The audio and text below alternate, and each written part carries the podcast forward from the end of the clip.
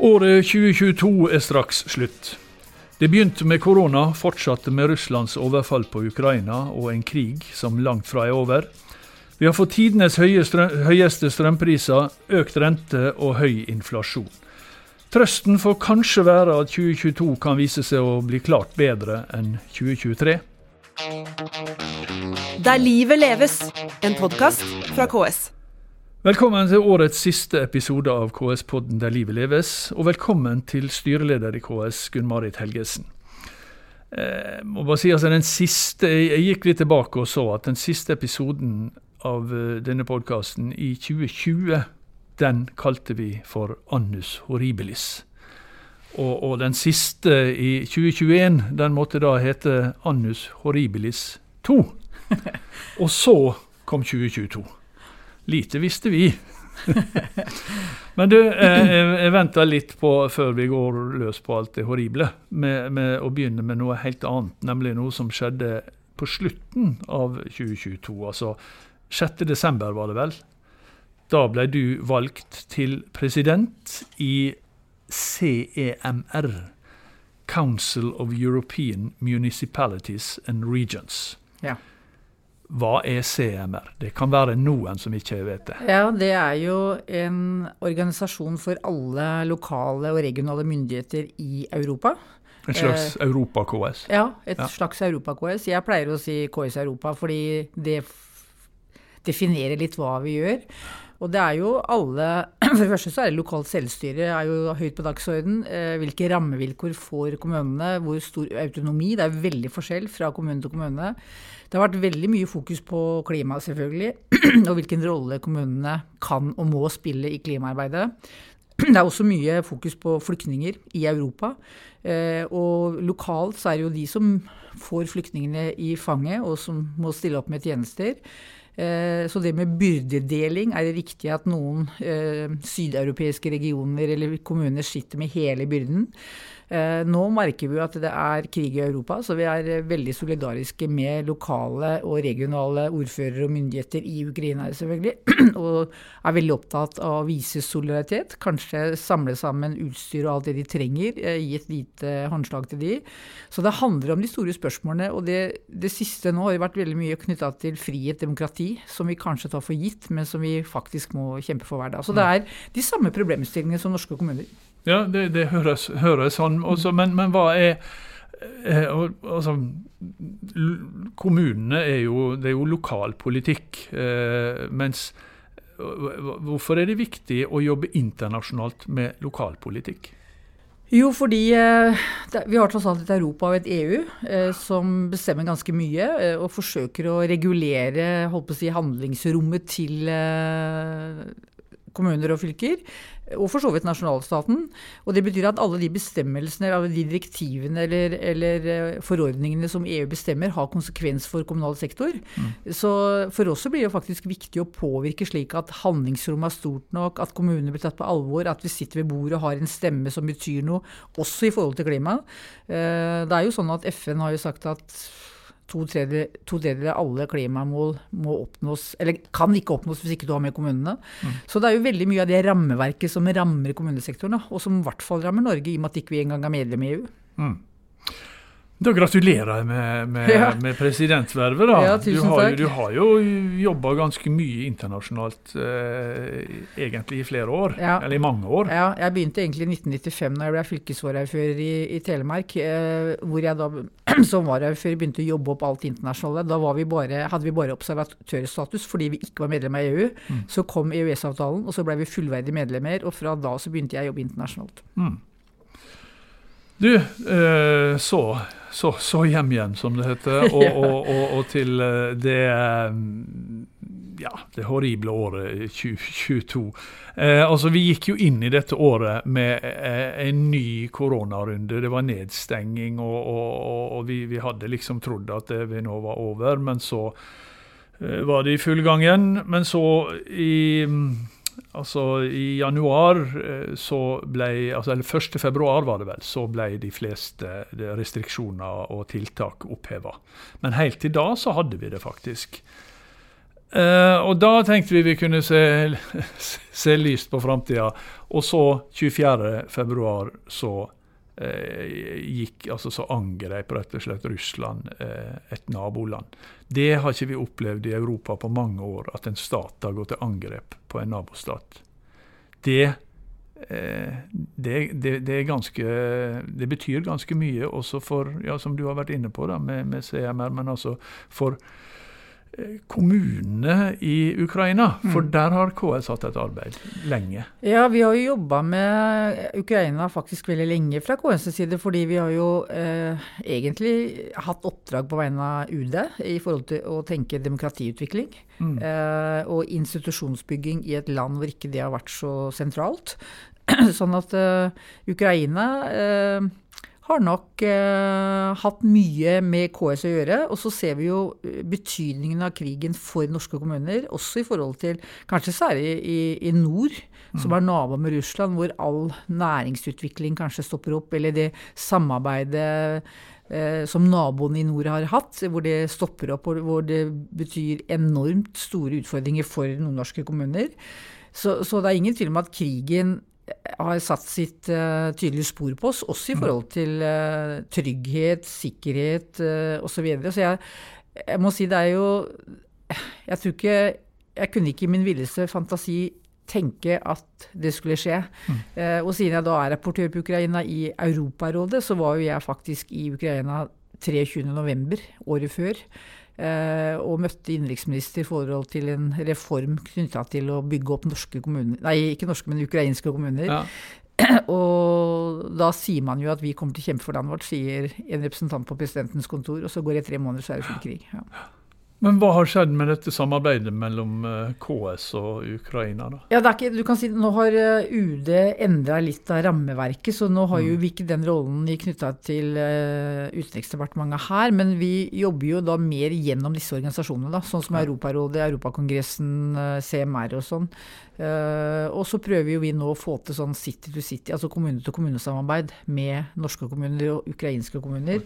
Og tenker at det, hvis man klarer å få sånne søster... eller søster eller hva kaller vi det, vennskapsbånd mellom kommunene, så er det utrolig hjelpsomt for ukrainske mm. kommuner. Mm. Så det er jo kanskje det vi prøver å koordinere fra KS sin side. Og én ting som iallfall har blitt merka i norske kommuner, det er jo flyktningene. Mm. Eh, 30 30 000 er vel bosatt i år, og neste år så er det vel 35 000 eller eh, noe sånt. Altså det, det, er mer enn noe. Kriseåret 2015 var det vel 15 000. Mm.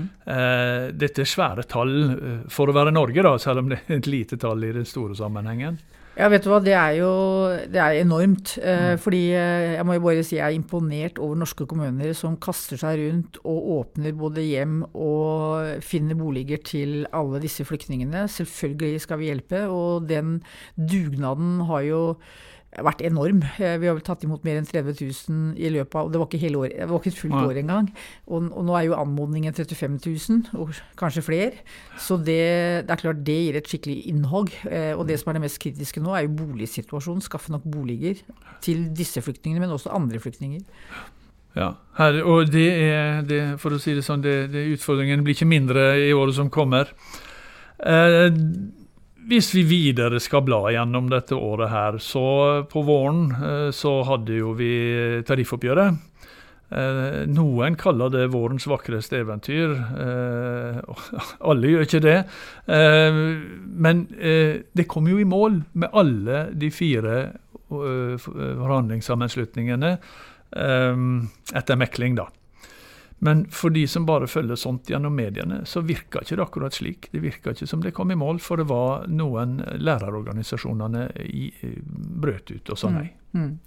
Ja, det er altså Tariffoppgjøret er alltid krevende, og det er klart det er alltid krevende når det ender i konflikt.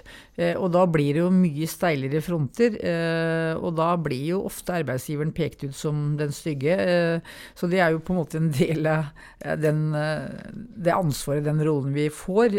Og det er jo klart det å være i, i, streik med lærerne igjen og igjen er jo ikke noen ønskesituasjon for oss. Vi har jo normalt veldig godt eh, samarbeid med partene i arbeidslivet, og ønsker jo det. Eh, så det er jo egentlig bare å beklage, og det er fryktelig krevende. Og jeg må jo si forhandlingsavdelingen her, arbeidsgiveravdelingen, har jo gjort en kjempejobb.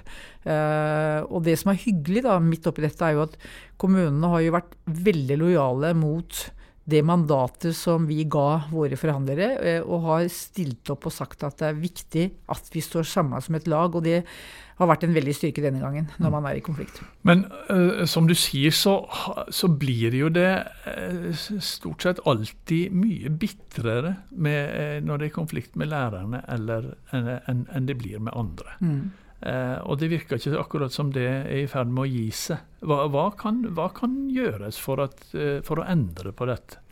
Ja, Det er et godt spørsmål. Nå har vi jo hatt møte med kunnskapsministeren nettopp for å diskutere hva er vi kan gjøre. Fordi noen av de spørsmålene som var sentrale i konflikten, er jo egentlig ikke tariffspørsmål. Eh, det kan være lærernes arbeidssituasjon, den kan være de syns ikke at de blir verdsatt av arbeidsgiver. Det mener jo vi at de er. Eh, og Men, kvalifikasjoner. Kvalifikasjoner, ja. Opplæringsloven, hvor definerer vi den likt, eller vi liksom, heier vi på ufaglærte? Det gjør vi selvsagt ikke. Og det er jo en liten andel av lærerne som i en fase kanskje er ufaglærte, men da har krav på seg til å få pedagogisk kompetanse. Så det blir veldig bittert, ja. Og, det ser og så blir det personlig. Det ser ut som det blir veldig Hvordan personlig. Hvordan oppleves det? Nei, altså... Det er jo ikke du som fikk det verst denne gangen, Nei. det var jo forhandlingslederen eh, ja. til KS. Men, men du fikk vel en del, du òg? Ja ja, du får jo alltid noe. Eh, nei, det er jo aldri hyggelig når man går på personer. Eh, og når man sender så stygge meldinger som man kan få i en sånn oppheta konflikt. Det er jo ikke noe hyggelig, men, men, eh, det er jo en del av det å være i mm. denne posisjonen, da. Men jeg må jo si denne gangen så tror jeg jo vår forhandlingsleder og de på forhandling fikk uh, skikkelig hard medfart. Mm.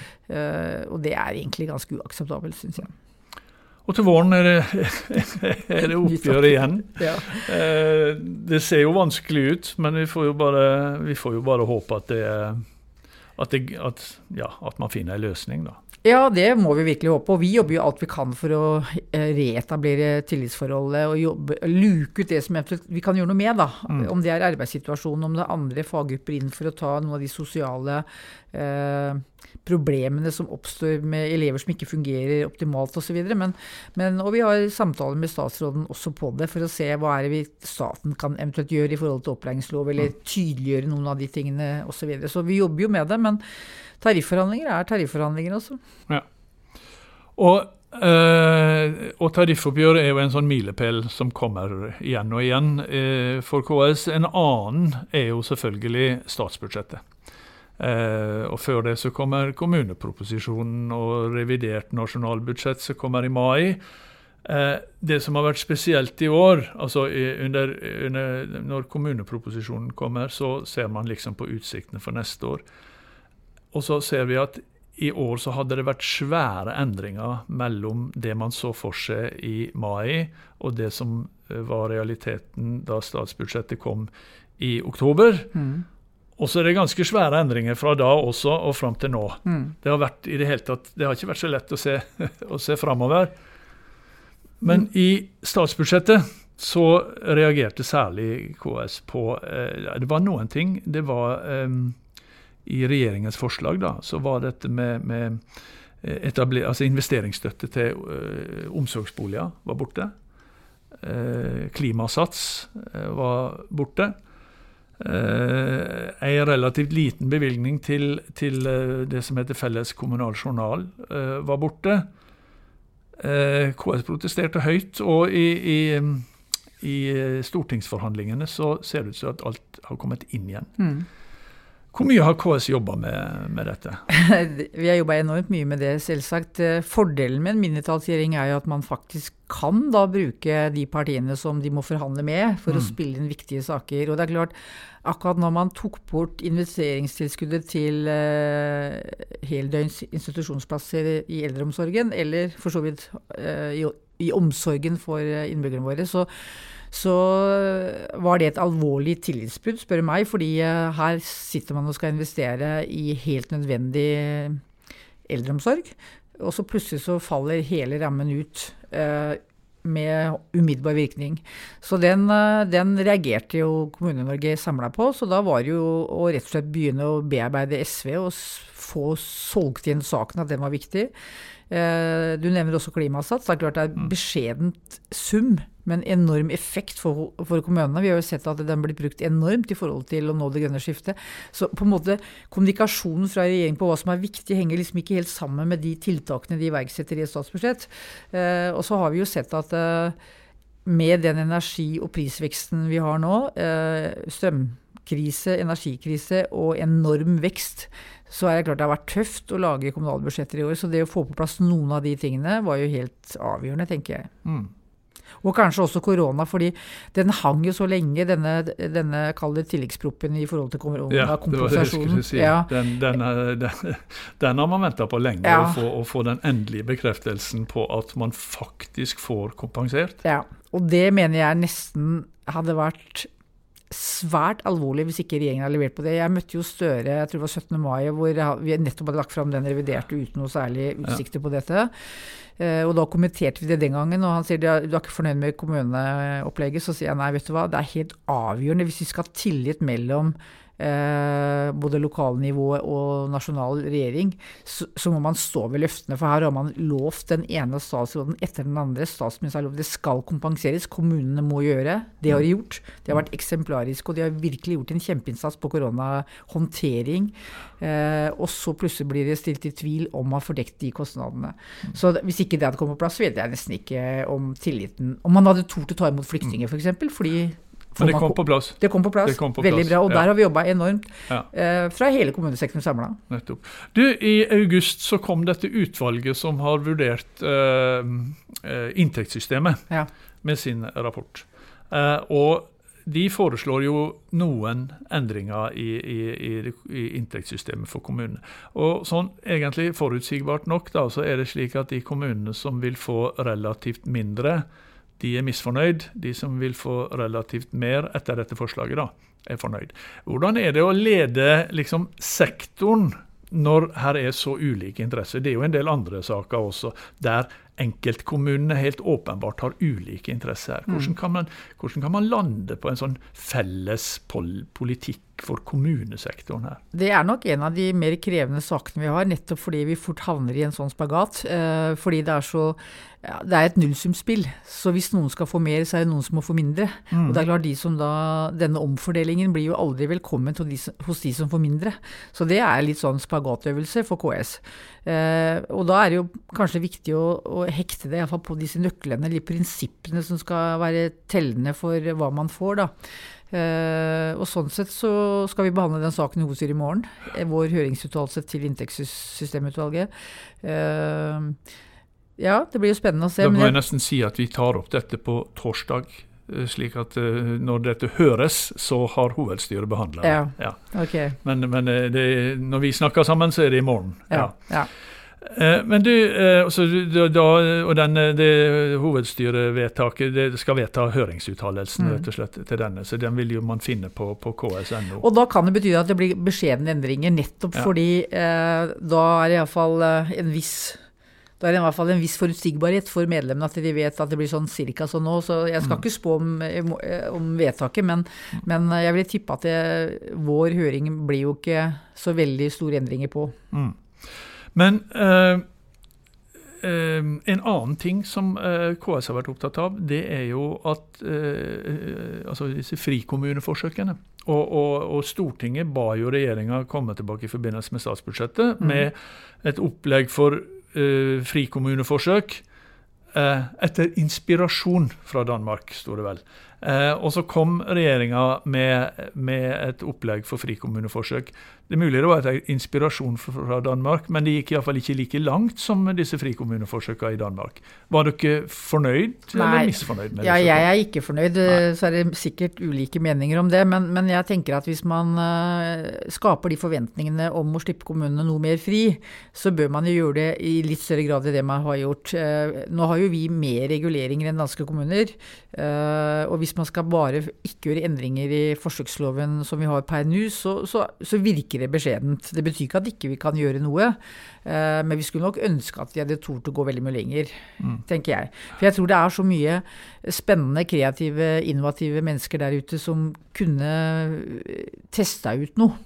Uh, som kunne fått betydning for, for enda bedre tjenester. Hva var, det, hva, hva, var det, hva var det du ville helst Hvordan ville du helst sett at dette at dette var? Nei, jeg tenker at eh, vi skal jo løse en del utfordringer som ikke vi har svaret på. Eh, og når ikke vi vet holdt på å si, svaret, så må vi faktisk teste ut, da, ha piloter og gi kommunene muligheter på om det er på, på helseområdet eller på, på, utdanning eller noen av de oppgavene som kommunene har ansvar for. Så må man faktisk tørre å ikke regulere fra statens side. Og mm. der er nok ikke vi modige nok. Rett og slett i et forsøksperiode reelt slippe kommunene fri. Ja. Du, um, vi har jo alltid vært inne på det, da, men, uh, men uh, utfordringene kommer til å bli ganske svære for Kommune-Norge i 2023. Ser du noe som skal gjøre at vi ikke skal oppsummere også det kommende året som et annus horribilis 4? Hva, hva, hva, hva, gir grunnlag for optimisme, tenker du? Ja, Det er jo et veldig stort spørsmål, egentlig. Men jeg, men jeg har lyst til å, ta, dra litt perspektiver på det allikevel i den verden vi lever i. Fordi vi lever i et forholdsvis trygt og godt samfunn. Eh, hvor vi har et sterkt sosialt sikkerhetsnett, eh, og hvor kommunene er forholdsvis autonome. Så det er jo et handlingsrom der. Men det er klart det blir krevende når eh, finanspolitikken og den makroøkonomiske mm. situasjonen er som den er. Så vi må nok forberede oss på å bli enda smartere og løse oppgavene med mindre ressurser til beste for innbyggerne. Så det kommer til å bli en tøff situasjon for norske kommuner. fordi vi har liksom ikke vært i den situasjonen. Vi har hatt 20 år med bare påplussa i statsbudsjettet, og nå ja. blir det kanskje å ta det ned. Så jeg tror det blir en ganske sånn stor mental utfordring for oss å se hvordan kan vi eh, løse oppgaven på en bedre måte. Men så er det noe som heter at nød lærer eh, naken kvinne å spinne. Så vi, jeg tror at det er kreativitet mm. og, og kompetanse der ute. Men da må man slippe opp noen av de reguleringene, den statlige detaljstyringen. og da, Hvis ikke man tør det, så er jeg redd at det, at det blir enda mindre til eh, innbyggerne sånn som vi ønsker. I, I hvert fall ikke så mye eh, innovative løsninger for innbyggerne sånn som vi skulle ønske oss. Mm. Og 2023, som vi går inn i, er jo et lokalvalgår. Da skal det velges nye kommunestyre, nye fylkesting, som da skal få alle disse utfordringene etter hvert. eh, har de som nå blir nominert i disse dager, eh, har de grunn til å se fram til eh, arbeidet i kommunestyre og fylkesting, eller blir det bare si, ned, nedskjæringer og så påfølgende kjeft å få? Jeg tror iallfall det blir tøffere politiske prioriteringer. Det, er, det må det bli. Eh, men så håper jeg jo at vi klarer eh, å verdsette demokratisk innsats da, som samfunn, fordi vi tar veldig lett demokratiet for gitt, og det har vi jo fått lært nå at ikke vi bør. Eh, så det med demokratisk motstandskraft er jo et, et, tema som går i hele Europa. Så jeg håper jo at vi nå klarer å heie på alle de lokale heltene som stiller seg til disposisjon for innbyggerne i sin kommune og i sitt fylke, for det, det trenger vi faktisk. Ja. Da gjør vi det, og så ønsker vi det og alle som hører på, riktig god jul. Og uansett, vi ønsker iallfall et riktig godt nytt år. Ja. Takk skal du ha. Likeså. Og så er vi tilbake med neste episode på nyåret. Jeg tror det blir 9. januar. Godt nytt år. Der livet leves, en podkast fra KS.